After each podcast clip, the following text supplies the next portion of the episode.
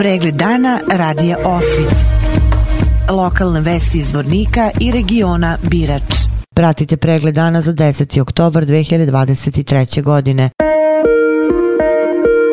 Gradonačelnik Zvornika Bojan Ivanović danas je uručio rešenje za sufinansiranje troškova van telesne oplodnje sredstvima iz gradskog budžeta za četiri bračna para koji su ispunili uslove konkursa. Bojan Ivanović. Danas smo potpisali evo, rešenje o sufinansiranju van telesne oplodnje za naše sugrađane koji su iskoristili prava kod Fonda zdravstvenog osiguranja. Reč je o programu koji se puni 13 godina da kažemo, finansira iz budžeta grada Zvornika i iz ovog programa je rođeno 25 naših malih e, sugrađana. Ja današnjim potpisnicima želim da se i oni ostvare kao e, roditelji, jer porodca je osnov svakog e, društva.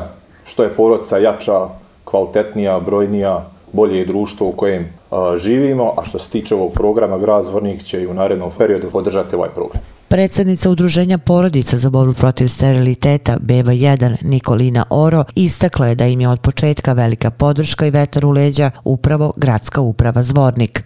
Nikolina Oro. 13. godinu gradska uprava Zvornik eh, izdvaja sredstva za vantelesnu plodnju. Na, malo prije sam baš ispričala kako je to bilo uopšte donesena odluka da se finansira. To je kad smo mi osnivači došli pa smo iznijeli problem pa su nas za dva dana nazvali i rekli kako gradska, eh, tadašnja opština, sadašnja gradska uprava izdvaja sredstva za vantelesnu plodnju. Da mi je neko rekao da budem bahata i nešto tražim, ne bi mi baš palo na samom osnivanju to na pamet. Ali veliko veliku zahvalnost dugujemo tim ljudima na razumijevanju, jer uh, zaista bez djece i porodice nemamo budućnosti. Uh, vlada, vlada i sve institucije koje se toga tiču iziskuju načine da podpomognu rađanje, da ne mogu reći prisili, ali da negdje podstaknu ljude na rađanje više djeci. A ovdje imamo slučaj gdje ljudi nemaju ni to prvo djete koje im fali da bi njihov život bio srećan i kvalitetan. I onda kad najđete tu na, ne, na tu podršku, stvarno nemate riječi tu neke zahvalnosti, to je stvarno nešto najljepše što grad Zvornik radi, to su ova izdvajanja za proces vantjelesne opolože. Naše udruženje broji 81 bračni par, moram da kažem, i sinoć smo dobili 90. bebu u udruženje. 90. beba se rodila za ovih 13 godina postojanja. E, naglasit ću i to da smo prošle godine imali donatorsko veće gdje 18 bračnih parova dobilo sredstva, 8 bračnih parova je uradilo postupak van tjelesne oplodnje, pet bračnih parova je uspjelo i prošle sedmice u petak smo dobili djevojčicu Nađu, znači prva beba koja je rođena iz sredstava dona, e, sa donatorske večere i hvala vam opet svima na tome. Fond zdravstvenog osiguranja finansira tri procedure van tjelesne oplodnje, ali imamo samo jednu kliniku i to je klasični monopol u Republici Srpskoj. Prošle godine kad se usvoje novi zakon o obaveznom osiguranju, dozvolili su nam pravo na izbor treće van tjelesne oplodnje bilo gdje gdje bračni par želi, tada njemu fond refundira. I opet se vraćamo na ono, vi morate dati novac da bi vam fond refundirao, radimo svi u stotinama, za stotine maraka, hiljadama maraka postupak a, košta.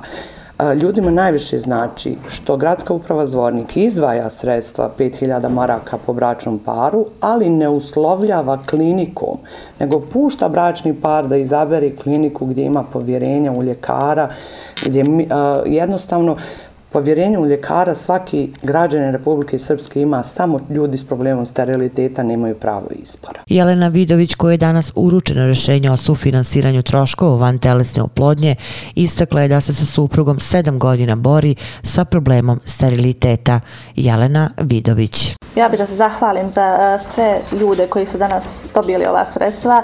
Svi ljudi koji imaju bilo kakav neki problem u životu znaju koliko znači podrška kad imaju bara neku lijepu riječ, a kamali ovako neke stvari. Hvala naravno našoj zajednici, našim gradonačelniku i drago nam je da smo danas dobili ta sredstva. Sedam godina smo u braku. Znači, sedam godina se uvijek nešto tako dešava, idemo negdje, što kaže, E, u neke postupke i zaista je stvarno značajna ta neka podrška ljudska, da kažemo. E, ovo nam ipak e, opet pruža neku mogućnost gdje možemo malo da pridodamo nekih i svojih sredstava i da opet izaberemo negdje gdje, gdje nam neki doktori možda isto tako pružaju neko više povjerenja.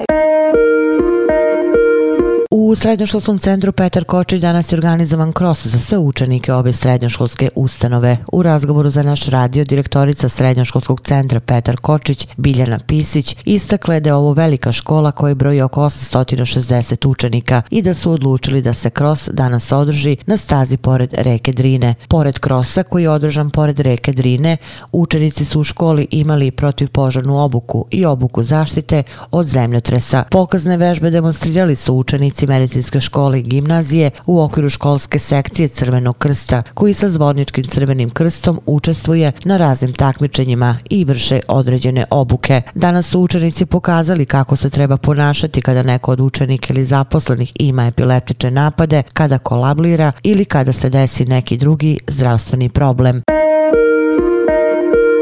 Grad Zvornik intenzivno radi na proširivanju kapaciteta parking prostora u gradu i trenutno se radi prva faza parking prostora u naselju B blokovi, gde će biti uređeno oko 30 novih parking mesta. Prema rečima gradonačelnika Zvornika Bojana Ivanovića, druga faza podrazumeva proširenje za još 30 parking mesta i izgradnju dečijeg igrališta, odnosno mini futbolskog terena. Nakon završetka prve faze biće kompletno uređeno 75 novih parking mesta u naselju naselju B blokovi, a sa realizacijom faze 2 i izgradnjom javne garaže bit će napravljeno dodatnih 80 parking mesta.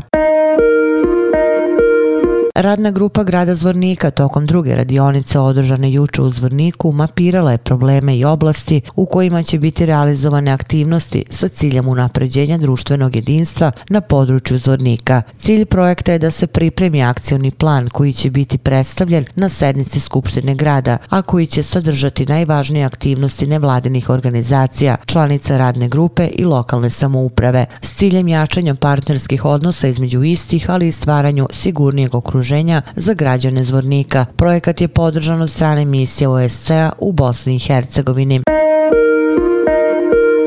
Zvornik će sutra biti domaćin sastanka predsjednika sindikalnih organizacija za regiju Birač koji organizuje Save sindikata Republike Srpske. Kako je najavljeno, sastanku će prisustovati predstavnici Saveza sindikata Republike Srpske i predsjednici granskih sindikata. Vesti iz Loznice. U okviru manifestacije Dani Jovana Cvića danas će u svečarnoj vili gimnazije Vuk Karadžić biti predstavljen Geografski fakultet u Beogradu, koji je Cvić osnovao pre 130 godina. O značaju jubileju ove obrazovne ustanove govorit će Vojislav Deđanski, student doktorskih studija, Filip Krstić, asistent i Stevan Stanković, profesor emeritus. Opširnije na sajtu lozničkenovosti.com. Pratili ste pregled dana za 10. oktobar 2023. godine. Hvala na pažnji. Pregled dana radija Osvit. Lokalne vesti iz Vornika i regiona Birač.